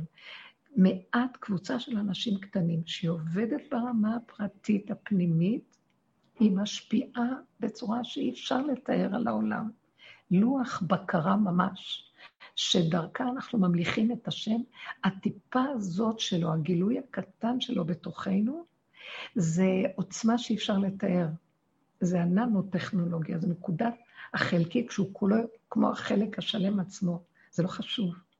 אבל נקודת אמת חזקה שאנחנו פועלים בה. אז כשאנחנו במקום הזה, העולם יפסיק להתהלך עם המציאות הזאת. אז אה, כמובן, יש אדרנלין קיים באדם, בלוטת התיירואיד קיימת באדם, והם פועלים לא על ידי המוח, באופן פנימי, יש להם מחזוריות פנימית שהם מזרימים את חיותם בתוך האדם על מי מנוחות ינעלני. בעוד שכשהמוח של עץ הדת בא, הוא שודד אותם ממציאותם השוטפת הפנימית, מעלה אותם על העצבים, מה שנקרא, מוציא אותם החוצה, ואנחנו נקראים אוכלי לחם העצבים. עבודה זרה. אנחנו מוציאים את הכוחות האלה שקיימים בטבע ומחיים אותו יפה, בגזרת הבורא שבחוקותיו בטבע הן פועלות, ואנחנו מוציאים אותם החוצה והן פועלות עכשיו, כאילו אנחנו מוציאים את, מהם את המיץ לפעול, והם כאילו עובדים, האדם עובד על, רוכב על העצבים שלו, כלומר, אין לו, הוא פועל מתוך מקום שתשש כוחותיו, הוא פועל על אנרגיות לא שלו. הוא מיצה את הכוחות ומפזר אותם החוצה, והגוף מתחיל להיות תשוש, והפעולות של הבלוטות לא פועלות כמו שצריך, כי השתמשנו בהן מהפחד והחרדה והכעס והשנאה והנקימה, כל הפעולות ששייכות, טחול צוחק, וכן לבלב, וה, והזה כועס, והאדרנלין, כן, יש כל פעולה המרה ממורמרת, וכל הבלוטות פועלות ברמה שלהן, אבל החוצה, והן מבזבזות את האנרגיות שלא כראוי, וזה המצב של הכדור. הוא עייף ותשוש, ולא ירא אלוקים. והעבודה הזאת מביאה לגאולה. הלוואי ונזכה. אני מאוד שמחה, ורד, שאת אומרת, תדעו לכם, ההתבוננות מאוד חשובה. לקחת את הבחוץ ולהפעיל אותו, להכניס אותו פנימה. מאוד חשוב שלא נאבד את החיות שלנו, של ההתבוננות וההפנמה על ידי הגירוי תגובה, שזה מוציא מאיתנו המון אנרגיות ושודד לנו את החיים. אנחנו פועלים, אנחנו, רק הדאגה מה השני יגיד שודדת לנו את הכוחות. רק הפחד והחרדה מהסובב גומרת עלינו. רק הקנאה ממיתה אותנו. הכל זה חיצוני, אני מקנאה במשהו חיצוני. אה, הקנאה ביסודה קיימת באדם, אבל כשהיא פנימית, יש בה משהו, בוא, בוא ניקח, בוא קצת ננתח אולי את המידות, שהשם ייתן לי את השכל הנכון לזה. הקנאה כשיוצאת החוצה על ידי זה שהשני פועל ומפעיל אותי, עושה דבר שאני מקנאה כי יש לי בפנים רצון, אה, הקנאה באה מהמוח. אז כי כתוב קנאת סופרים, והסופרים זה המחשבה, זה הספרים, זה המחשבה, זה במוח. אז כאשר המוח של עץ הדת גונב את היסוד הראשוני של הקנאה, מוציא אותו החוצה, אז עכשיו אני לוקח את המידה ואני מתיש אותה על ידי זה שאני הייתי רוצה להיות כמו השני. או אני מקנא למה השני יש לו מה שלי אין, חמדנות. או אני עכשיו נכנס ללחץ ומתח תחרותי. אה, אני יוצא מגדרי כדי, כי השני הוא המטרה שלי, ואני מנסה להשיג את המטרה הזאת. אני יוצא מנקודת השלווה, הפנימיות, הגבוליות שלי, ומה שמתאים לי עם הכוחות שלי. הקנאה ביסודה היא בעצם קניינות, יש בה משהו של קניין. קין הרג את הבל, כי היה לו קנאה. הוא הפגין אותה החוצה. אבל כשאני לוקח את הקניינות, השם נתן לי יכולת של קניין. הקניין הכי גדול שיכול, שאני יכולה ליישם אותו על עצמי, זה לקנות את חירותי, לעשות קניין עצמי לחירות שלי. לקנות להשם, קנאת השם. כלומר, אני לא רוצה הדעת הרשע הזה יגנוב אותי, ויקח לי את הכוח והחיות שלי החוצה, ואז אני אעבוד את הדמות כמו עבודה זרה, אקנא בה, אכעס עליה, אשנא אותה, אפחד ממנה. אם אני לוקח את הכוח הזה ואומר, לא, לא, לא, לא, לא, לא, אני רוצה להפנים את הכוח הזה פנימה, אני רוצה לתת את זה להשם, אני רוצה להמליך את השם, קו האמצע, כוח האלוקי שביסוד האדם, שהוא קיים בפנים, רק הוא בגלות, כי עץ הדת גונב, אני רוצה לקחת את הכוח הזה ולתת אותו להשם. אבל אני קונה מקום בעץ הדת, ואני מפרק את עץ הדת ומחזיר לך את הקניין עליי.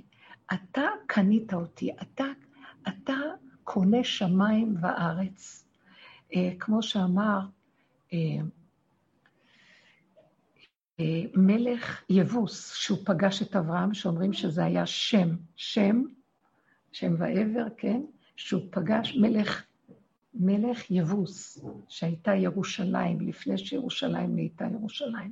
אז הוא פגש את אברהם אבינו אחרי שהוא חזר, פרשת לך לך, מהמלחמה עם חמשת המלכים, אז הוא אמר, ככה הוא נתן לו לחם ויין, קידם אותו בלחם ויין, ואמר לו, ברוך אברהם לקל עליון קונה שמיים וארץ. כי יש את הקניין היותר גדול שהוא קונה את הכל פה. ולמה שאני אתן את הקניין הזה? אין לנו קניין כלום. הקניין הראשוני, היסודי הראשוני, זה שאני לא רוצה שעץ הדעת ימלוך בי, אני רוצה קניין על הגולם שלי, ואחרי שאני גולם, אני מוסר אותו להשם. הפרפר מתגלה, וזו השכינה שבתוכי. אז נמצא שאני לא קיום בכלל, אבל עץ הדעת גונב אותי ונותן לי תחושה שאני קיים וקניין ויש בפני עצמו. ואז אם אני כזה, אז גם השני מאיים עליי. אז השני מאיים, אז אני מקנא בו, ואז הוא החץ למטרה שלי, או המקום להשיג איזה משהו ממנו, ואני עובד עבודה זרה, ויצאתי מהגדר האלוקי.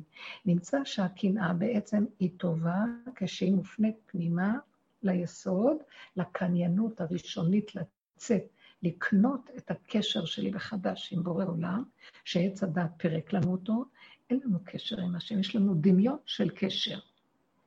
אנחנו אומרים, אנחנו עושים, אנחנו פועלים, ומדי פעם יש איזה חלונות של ישועה, ואנחנו מרגישים שהשם איתנו, אבל אם לא ניגע ביסודות המידות, וזה מה שאמרתי לבן שלי, בדבר הקטן הזה, אתה רץ ואתה תשרת את השם בתוכך. הוא נתן לך תפקיד של אבא, תכבד את התפקיד, ותן לילד לעשות משהו שהוא יזכה להתחנך לכיבוד או לכיבוד הורה, שזה מה שהתורה רוצה ממנו.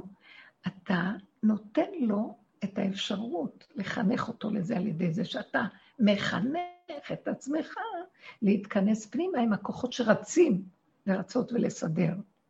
זה היה תינוק מילא, ילד גדול, והוא יכול לעשות דברים. ככה אנחנו צריכים לחנך את העולם לתורה שיש בה השם. כשאתה מראה שיש השם בתורה שלך, זה לא רק בדעת, יש כבד, כבד את אביך ואת אמך, ואחר כך אתה רץ, אתה לא מכבד את עצמך, לא את השכינה שבתוכך, ורץ לפעול בשביל ילד שיכול לפעול בעצמו פעולה כזאת. בייחוד שזה שבת, אתה תלמיד חכם, ואתה רוצה שהוא ילמד ממך דרך, לא רק בלימוד התורה, גם במידות. אז הנה יש לך כאן את המקום, אז תחזור פנימה לעצמך. גם ב-30 אחוז שנשאר לך, תמליך אותו לפעולה הכי קטנה הזאת. תן לו קניין גם על הסמרטוט, תן לו קניין על הרצון לרצות. דעו לכם שכל דרכינו בעבודה הזאת זה הסוף של הדורות. עשו עבודות מדהימות גדולי עולם, צדיקי עליון, קדושי עליון. מי אנחנו? מי אנחנו בכלל? באים עם עבודה כזאת. אבל העבודה הזאת, תקשיבו, בלי שאנחנו ניכנס לחורים ולסדקים של כל השקרים של עץ הדת, ונחקור אותם בדעת שלנו, במידות שלנו, ולהביא את הדעת למידות ולראות את השקרים, לא יכולה להיות גאולה. לא יכולה להיות גאולה. הקטנים והפשוטים והספיחים של העם, הם יביאו את הגאולה על ידי ההתבוננות הדקה. לא יכלה להיות גאולה בזמן מרדכי ואסתר, רק על ידי אסתר, שנכנסה לחושך של בית אחשורוש. היה מרדכי מראשי הסנהדרין, היו חכמי הסנהדרין שם, היו גדול, גדולי עולם, וקדושי עליון היו שם. אבל לא הייתה אסתר. אסתר הייתה צריכה להיכנס לחושך הזה, לעשות עבודה איפה שהם לא יכולים להיכנס. הם היו גדולים, חשובים.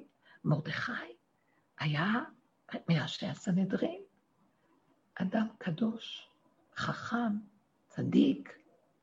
אסתר הייתה רק אישה פשוטה. אני לא מדברת עכשיו דווקא אם זה נשים, גברים עושים את העבודה הזאת, נשים או גברים.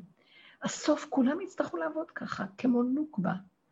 אבל בידוע שאנחנו יכולות יותר, לכן אמרו בזכות נשים צדקניות, תבוא הגאולה. נגאלו ותבוא הגאולה. הגברים עושים את שלהם, ונעשתה עבודה מאוד גדולה בכל הדורות, ואנשים היו בשקט הדממה, מתחת לרדאר. והעבודה הזאת אומרת לנו, לא שעכשיו תתראו על הבמה, אבל מתחת לרדאר, שזה מתאים לכם, תעשו את העבודה בשקט בפנים, ואין אסתר מגדת. יעקב אבינו עבד בפנים. הוא עבד בהסתרה, הוא חי, חי, אה, הוא היה איש תם יושב אוהלים בהסתרה, ועשב היה איש שדה. כשהוא הלך ללבן, הוא הסתתר מלבן. הוא עבד בשקט ובהסתרה פנימית, הוא עבד בנקודות הפנימיות, בדרגות הפנימיות בחורים ובסדקים. על מנת שהנביאים יקבלו נבואה אה, ויתגלה עליהם האור האלוקי ותהיה נבואתם אמת, היו צריכים להיכנס לחורים ולסדקים של התוואים שלהם ולהשתיק את התוואים, כדי שירד האור האלוקי ויוכלו לדבר אמת.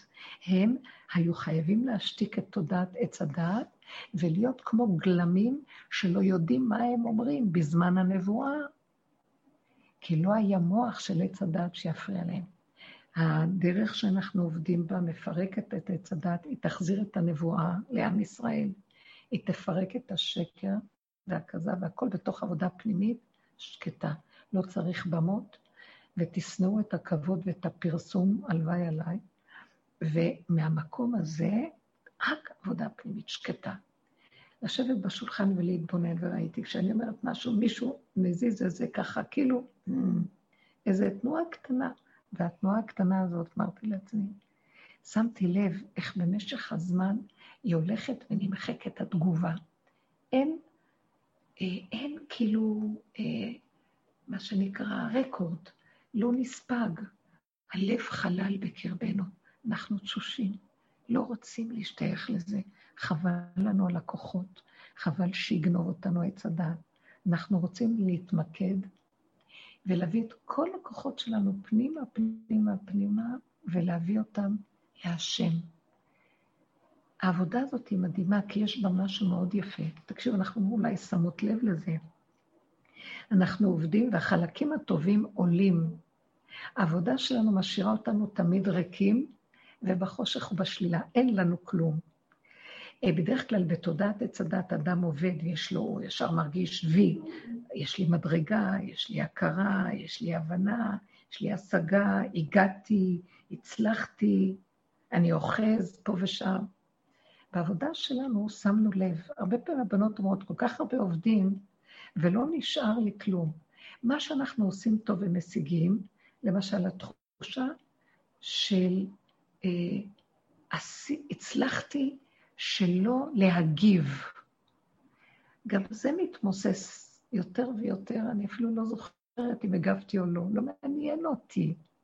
כי כל ההשגה עלתה לשורשה, שלא יישאר אצלנו כלום, ולא יופיע עץ הדת ויגנוב את זה עוד פעם, וירגיש שהוא השיג משהו. אז השם עושה לנו טובה, והוא לוקח את כל מה שאנחנו משיגים, אה, אפילו תחושת החירות. נשאר רק ילד קטן שלא יודע כלום, אבל טוב לו ושקט לו ושמח לו והוא לא מתרגש מכלום. אה, הכל עולה לאוצר, ששם הוא נשמר, ואנחנו נשארים קטנים וריקים וכלום. נקיים, כמו ילדים קטנים, שתמימים, טהורים, שלא שייך לנו פה כלום. כשתבוא הגאולה, ירדו האוצרות האלה נקיים וזכים, וכל אחד יקבל בחזרה כל מה שהוא עשה. כי האגו יימחק, והשם נאמן להחזיר, כי אין לו מה לעשות עם זה, הוא רוצה לתת לנו את כל האוצרות שלו, וגם את צרור המפתחות לאוצרות. אבל באמת, באמת, זה יישמר, זה נשמר במקום טוב, כי כל עוד אנחנו כאן מושפעים מהנחש והשלילה כאן סובבת אותנו, חבל, זה כאילו, אנחנו משקיעים את האוצר בבית הגנזים, או בהשקעה הכי טובה שיש בעולם, הוא שמור. השם עוזר לנו. ואנחנו מתהלכים ריקים וקטנים, ואין לנו תחושה של משהו. מקסימום נשאר עוד שלילה שצריכים לעבוד עליה. אבל זה מאוד יפה, אני אוהבת את זה ואני מודה להשם. זה לא כמו כל העבודה של כל הדורות. כל הדורות, אה, עבודת עץ הדעת, ברוחני, יש תחושה ש... אתה משהו, עשית עבודה, חיוביות, הרגשה טובה, ממה שעבדת, כי אתה עוד מחזיק משהו, יש לך את התוצאה ביד. בעבודה שלנו, וזה אחד הסימנים של עבודה נכונה, נשארים ריקים. לא נשאר לנו כלום. אבל יש דבר אחד מעניין, נשאר לנו שקט נפשי. רגיעות, פשטות, כמו ילדים קטנים, התחדשות, לב נקי, אין לך כעס על אף אחד, אין לך חשבונאות על אף אחד, לא מעניין אותך כלום, לא מעניין אותך בכלל. מה שאני אומר, לא אומר, כן אומר, כן לא. הכל נהיה צמצום אחר צמצום קטן ומתוק. איפה הלכו כל העבודות שלנו? כל ההישגיות שעשינו? זה השם לקח את זה, עבודת הצמצום מעלה ומחזירה את זה לשורש. וזה נשמר במקום שלו. אה, כל אחד ובית הגנזים שמתאים לו, אל תדאגו. לכל אחד יש תא גדול, יפה, חשוב, ששם נשמר הכל. למה אני אומרת את זה בכלל? אה, זה ידיעה שהשם אומר לי את זה, זה ברור. כי השם לא צריך את זה לעצמו, הוא רוצה לתת לנו כתוב לעתיד לבוא.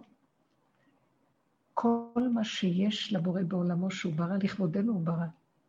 זאת אומרת, הוא רוצה להיטיב לנו ולתת לנו את הכל, לא כל, לא כל שכן העבודה שאדם בעצמו טרח ועבד, שזה קניינו. אז בוודאי שזה יחזור, ואשרי חלקו של זה שעובד, ותהיה לו שמחה, השמחה היותר גדולה מהכל זה להישאר נקי, תמים, ריק, קטן, אה, פשוט, שמח וטהור, שתשרה עליו השכינה. אמן כן יהי תודה רבה, יקרות שלי. מה, רגע, מה, מה את הולכת? חכי, מה, את בכלל שמעת אותי היום? מה את הולכת? כן. מה? רות שלנו. מה אם המלכות אומרת, כן. אמ, אני צריכה... זה מסתובב לי הרבה זמן, ואני צריכה את המילים. הרעיון בפנים יושב מאוד חזק, אבל אני מחפשת את המילים. אז זה ככה, מאז שהתחילה... מה זה, אנחנו תשעה חודשים? לא יודעת, עוד מעט צריך להיות ולד לקורונה הזאתי. נכון? זה הריון כבר של תשעה חודשים נראה לי. אז מההתחלה הייתה לי תחושה מאוד חזקה שיש פה ממש מבחן חזק ל... לא יהיה לכם, לקטע האם אני עם אלוהים או לא, שלא יהיה לי אלוהים אחרים על פניו, שזה מבחן כזה. והכי, ויש, וזה מסתדר לי כל הזמן עם הדיבר השני, לא יהיה לך אלוהים אחרים על פניי, לא תעשה לך פסל וכל תמונה, אשר בשמיים ממעל ואשר...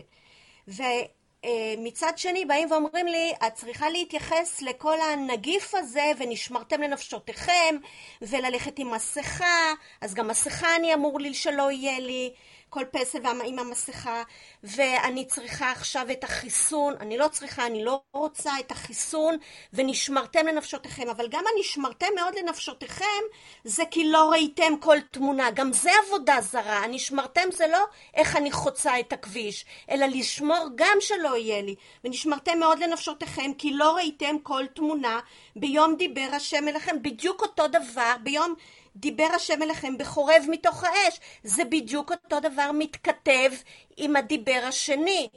ואני מבינה שמי ששולט בעצם, ואני נותנת לו כוח אם אני מפחדת, זה אלוהי השררה והממון, שהם גם רצים היום, הם אולי, לא יודעת, כן הביאו את הנגיף, לא הביאו, אבל הם רצים היום לעשות ממון מהחיסונים. אם אני מפחדת, אני נותנת להם כוח, נכון? נכון. הפחד של האנשים נותן להם כוח. אבל אם אני עכשיו אצא בצעקה ואני אגיד אין כלום, אין כלום, אז אני נותנת להם עוד יותר כוח ועוד לכל מיני אנשים, אולי גם כאלה שמקשיבות עכשיו. אני נותנת כוח לפחד שלהם לצאת, זה כוח מול כוח כל הזמן. אז העבודה היא צריכה להיות בפנים. אה, יש עוד נגיפים, אבל התלבשו עליו והפכו אותו לאלוהים אחרים. כולל אנשי השררה והממון, ש, שגם הם נפלו בעץ הדת, כל הממשל, כל הממסד, כולם נפלו באותו עץ הדת. עכשיו תורך. מאוד יפה, רות, באמת. אני רואה שליבך חם בקרבך לדבר. אה, בואי נקרר לך את הלב קצת. בואי תראי, אמרת את הדבר הכי נכון. ביום דיבר השם איתכם, לא ראיתם כל פסל תמונה, כל, שום דבר. זאת אומרת, ביום, זה אצלי, אני תמיד מסבירה, זה במצב, במצב הזה, ביום ההוא יהיה השם אחד או במצב הזה, שאנחנו בקו האמצע, לא ימין ולא שמאל, שאנחנו יורדים את תודעת עץ הדעת, כל הדמיון נמחק, אז אין פסל, אין תמונה, אין שייכות, אין משמעות, אין ציור, אין כלום. אין, אין. עכשיו, זה מאוד אופטימלי, זה דבר מאוד קשה להגיע אליו, זה המקסימום שאנחנו רוצים להגיע. אבל בעבודה שלנו, על ידי זה שאנחנו נכנסים פנימה, וזה קורה לי, אני אומרת לכם, אמרתי את זה בשיעורים, זה קורה לכולכם ודאי, גם לך, רות, אני יודעת את זה. מה שאני רואה, ממש, אני מודה להשם על הזכות להיות איתכם בחבורה הזאת ושאתן נותנות את העבודה. מה שאני רואה הוא ש... ככל שאני נכנסת בעבודה הזאת פנימה, וכל פעם שיש איזה פגם, אני עטה עליו, אני מבקשת מהשם שיעזור לי, כן? להתפלל שהוא יעזור לנו, נוכ... שתהיה נוכחות ולא ריחוף, ונראה את הנקודות ונודה באמת, וניכנס פנימה, ולא נתנפל ונאבד את האנרגיות בגירוי תגובה. אז כל פעם שאני עושה את זה, קורה שאני נכנסת יותר ויותר פנימה, ודבר מאוד מעניין קורה לי. אני משתפת אתכם, גם אתם, זה קורה לכם. אני הופכת להיות כמו בן אדם שהוא לא יודע מה זה המדינה. אני המדינה. אני המציאות. אני שומעת, אני יוצאת החוצה, אני שומעת אה, מסכה, חיסונים. אני לא רוצה לתת למוח שלי להיכנס שם. זה להתרחב ולעשות פסל ותמונה וממשות וכוח ולתת למדינה ולממסד כל הממסד שלה, אה, מקום, כאשר זה בעצם וירטואלי, אין מדינה, אין כלום. אנחנו במוח מציירים יסוד כללי, מדינה. אה, ראית בן אדם שנקרא מדינה? אני לא יודעת, אני רואה בן אדם, אני רואה משהו ממשי. מדינה זה כבר דבר מופשט, שהמוח שלי מסדר עוד אדם, עוד אדם, עוד אדם, ממסד, מנגנון, מדינה, זה מילים. אני לא יודעת, אף אחד לא קיים, רק אני. שימו לב, הדרך הזאת מביאה אותנו לאמת, לאמיתה. אין עוד מלבדי. זה לא נשמע טוב. אבל אם אני רוצה למצוא את האין עוד מלבדו, אני חייבת להגיע למקום של אין עוד מלבדי, כי רק שם הוא נמצא. הוא נמצא במקום שאין יותר מאחד. אז קודם כל אני צריכה לפרק את כל הריבוי של עץ הדת, ולהיכנס צעד אחר צעד אחר צעד פנימה לגולם שלי, ואין כלום שם. כמו שכתוב, ויוותר יעקב לבדו, ואז כתוב בנביא בישעיה, ונשגב השם לבדו. כאשר יש ויוותר יעקב לבדו, הוא נשאר כלום. הוא, אין אף אחד בעולם, הוא הצליח להתגבר על המלאך. איך? כי כשהוא כלום, מתגלה השם. שהוא היש הממשי בעולם. כשאני יש, ואני משהו, וזה עץ הדעת, זה כבר ריבוי, יש גם אני משהו לעומת השני, לעומת השלישי והרביעי וכולם, מתחיל להיכנס פחד, חרדה, ממשות, כעס, רוגז, קנאה, שנאה, וכן הלאה, ונותן ממשות למה שלא קיים, ואני מגשם אותו לידי הקיימות, ואת צודקת. אנחנו נשמע חדשות, נראה מה קורה, אה, נשמע מה הם אומרים, מה לא אומרים, זה אומר, כאן אומר, אנחנו נכנסים לסכנה. אתם יודעות משהו? אני מציצה מדי פעם על החדשות. שנייה. רק טק, טק, טק, טק, טק, לסגור רק קצת, כי אני לא רוצה להיות כאיש נדהם. מצד שני, אסור לי לתת לנתון שקראתי, אני רק לוקחת נתונים, בלי פרשנות, בלי משמעות, בלי כוח, בלי מה, מה אני אעשה אם זה לא יעשה עם זה, לא עושה כלום. הפכנו להיות, אני מרגישה שהפכתי להיות, אני מדינה קטנה. כלומר, יש להם מה שהם אומרים, אם אני צריכה לצאת החוצה, אני אשים מסכה. אני לא הולכת עם זה בראש, אני במעשיות פשוטה משתמשת, צריכה לעשות את זה. בואו ניקח את החיסון, מדברים על חיסון, אני לא רוצה להיכנס עם זה במוח. אני מבקשת מהשם שאני בידו הפקיד רוחי, ורק איתו אני נמצאת. ואני לא רוצה לתת למוח הזה לגדול ולש... אני לא רוצה לתת לממסד כוח ומקום, ולשלטונות ולחדשות. אין כלום, זה דמיון. מי יוצר את החדשות? החדשות, הם יוצרים אותן. מי אמר שזה החדשות בכלל? מי יוצר את הממסד? האזרח נותן מקום לממסד. הם לא קיימים. אם אני, האזרח, לא אתן להם, לא יהיה מקום. אז אני אתחיל עם האחד. נכון שעכשיו הרבה אזרחים נותנים, אז מה אני יכול לעשות? יש ממסד. אבל אני מתחיל לפרק את זה מהאחד שבי. תפרקו את הכל ואל תיתנו ממשות לכלום. ואל תחשבו, יש אה, אה, חיסון והם שקרנים, אני לא יודעת מי הם, לא יודעת זה חיסון, לא רוצה לחשוב. עד שזה לא דופק בנקודה שלי פה, על הבשר או משהו, אין כלום, אני לא רוצה להתכונן. אני רוצה להיות כמו יעקב שפגש את המלאך, שלא ידע כלום, ואז מתגלה השם. כי אני עוד מכינה את עצמי קודם, תמיד, כולנו, רק ללכת עם הסיבות של החיים להשם. כלומר, אני רואה, שומעת חיסון, אני לא, אני לא רוצה להיכנס בזה, אני נכנסת ואני אומרת לבורא עולם, אבל העולם מלא פגעים ונגעים, וזה בידוע שיש כוח של רע שמתגשם, והוא יתגשם כבר והוא שולט בעולם. אני, בעבודתנו, אנחנו לא רוצים לתת לו כוח רק לך. תתגלה בעולם ותציל אותנו, תשים עלינו ענני כבוד, תשמור עלינו. אני לא רוצה לקחת שום דבר, אני לא רוצה לקחת גם אקמול. אם אין ברירה, וממך אני יודעת שאתה רוצה שאני אקח משהו, אני אקח, בלי לדעת אפילו שזה אקמול. אני אקח אה, פלסיבו, מה שנקרא, ואיזה משהו של דמה, ואני אגיד, זה בורא עולם. זה לא חשוב, רק להרגיע את הכאילו של משהו עוד. אבל באמת, אם האדם שם את מוחו כמה שפחות בעולם, ויותר, הוא משתמש ברגע של עולם להביא את זה לבורא עולם, כי אנחנו צריכים רגע של עולם כדי להביא לבורא עולם, כי אנחנו בעולם. אבל זה רק צריך להיות רגע קטן. הוא לקח את לבן, יעקב אבינו, ועשה ממנו קטן, כמה שיותר מהר החזיר לעצמו, כי הוא פחד ממנו. הוא היה מכשף גדול, יכול לכשף אותו במוח, להיכנס לו בלילה במוח ולהרוס אותו. הוא סגר את המוח, סגר את כל, סגר את התריסים, את החלונות, את החרכים, ונכנס פנימה בדיבור תמידי לבורא עולם. דרך זה שהוא פחד מלבן, זה היה הסיבה לכניסה שלו לקשר בורא. אבל אסור לנו להשתהות מדי על מה שקורה בעולם. אני מרגישה שאני הופכת להיות כמו מדינה קטנה, שחיה לעצמה, ומה שמסביבי מקבל, אני אתן לו מאותה נקודה. אבל יותר מדי להתחשב ולראות ולשמוע ולראות מה קורה בעולם, אסור לתת למשקיף הזה מקום. כי הוא יכשיל אותי ויפיל אותי עשב הרשע, עמלק יושב על חמישים עץ, חמישים אמה עץ גובה, הוא יגנוב אותי, והאנרגיות שלי ייפלו, ואני כעס להיכנס לכעס עליהם, וכמו שאת אמרת, את אמרת, מהכעס שלי הם לוקחים כוח, מהפחד שלי הם מקבלים כוח. למה? כי הם, אני מחשיב אותם, אני לא רוצה להחשיב כלום, לא רוצה להחשיב, לא יודעת. לא מבינה, תגידו, אני בת יענה, אני שמה את הראש, נכון, אני בת, לצורך זה, בת יענה זה דבר טוב. בת יענה. בת, היה אני, יעני, כאילו, כאילו יש עולם. אני שמה את הראש הזה באדמה, הוא כולו כאילו. זה אולי כנראה התכוונו בת יעני באדמה. ראש הזה באדמה. למה אני צריכה אותו? כי אז זה נותן להם כוח. בת ענייה, בת ענייה. אני זה אני בדעת. לא רוצה את כל הדעת הזה. מצוין. אז קחי את הכוח הזה פנימה, ואל תתני לזה, גם למה לי בכלל להתרגז עליהם? אני לא רוצה לתת להם כוח. אני לא רוצה לקחת את המחשבה הראשונית בעודה באיבה, ולהביא אותה לבורא עולם בתוכי, בדיבור. אני אומרת לו, אבא, אני מאמינה שאתה חי, אני יודעת, אני מרגישה אותו בפנים.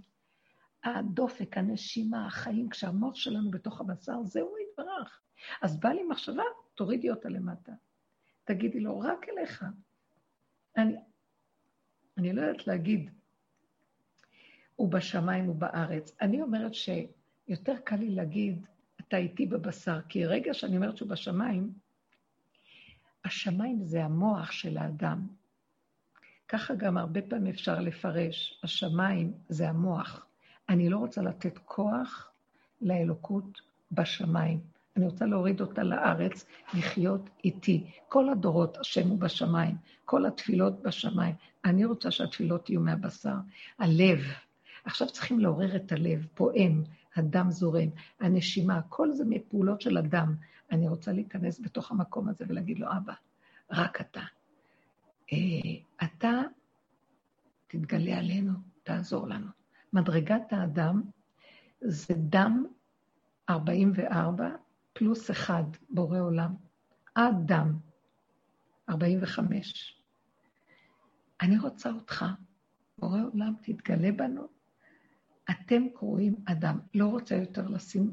העולם מלא שקר, מלא כזב, גנוב. צריך להיזהר ממנו מאוד, מההתרחבות שלו. לוקחים מילה, כמה פרשנות, כמה משמעות, כמה חדשות, כמה, על כלום, אין שם כלום. בשנייה הכל מתהפך ויש פתאום חדשה חדשה. והמוח מוסט למקום אחר. איפה הלכה החדשה הקודמת, שכולם רעשו ממנה? זה דמיונות. זה הולך וזה בא, וזה בא וזה הולך, וזה קם וזה נופל, וזה נופל וזה קם, אין שם כלום. הבל הבלים, הכל הבל מעוות לא יוכל לתקון. אז למה לי בכלל להיות שם? תקשיבו, אני, זה לא אומר שאני מנותקת מהעולם, הפוך, אני יותר מחוברת ממה שהייתי אי פעם. באיזה רמה? לא בווירטואליות, אני פוגשת בן אדם הכי עכשוויות. קולטים אותו, את רואה אותו יותר, כי החושים שלך ערים, ואת רואה בניקיון מה שקודם לא ראית. כי המוח שלך עמוס בהשקפות והבנות והשגות. אל תיתנו כוח לכלום. זה בדיוק מה שרות אמרה, הדיברה השנייה. הדיברה הראשונה זה ההכרה הראשונית. אנוכי השם אלוקיך. יש אחד, הוא הראשון הוא האחרון, ואין עוד מלבדו. אני לפני, אני אחרי, אני השם לא שניתי, אין שניים. הדיברה השנייה, זה לא יהיה לך אלוהים אחרים על פניי. אל תעשה ממשות לתודעת עץ הדת שממנה בא כל העבודה זרה, כי היא שתיים, זה עץ הדת טוב, עץ הדת רע. כאשר בעצם היסוד שלו זה אחד, אבל הדמיון, היסוד של עץ הדת הוא עץ החיים, שזה השם, הכל זה השם.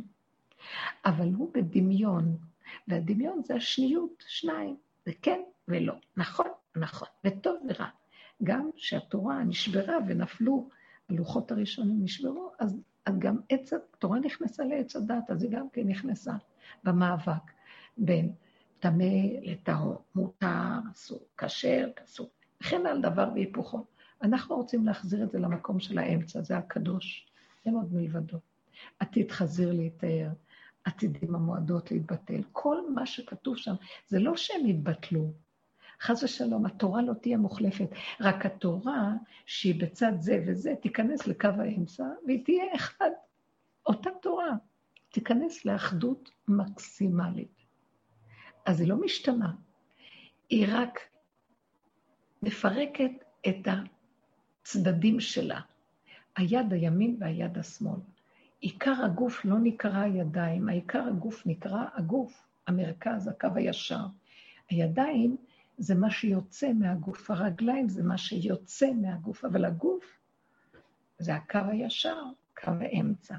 אנחנו רוצים להחזיר את הכל להשם, והשם יתברך יחיה אותנו מיומיים, מהיומיים, ויראינו בטוב ירושלים, שזה עיר הקדושה של קו האמצע, כן?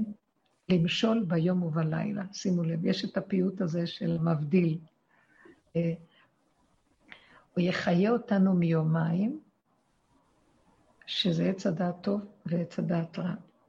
ויראינו בטוב ירושלים, שזה קו האמצע ירושלים, עיר האלוקים, עיר קדושה, למשול ביום ובלילה, למשול בשתי הכוחות האלה, קו האמצע מושל בשני הכוחות.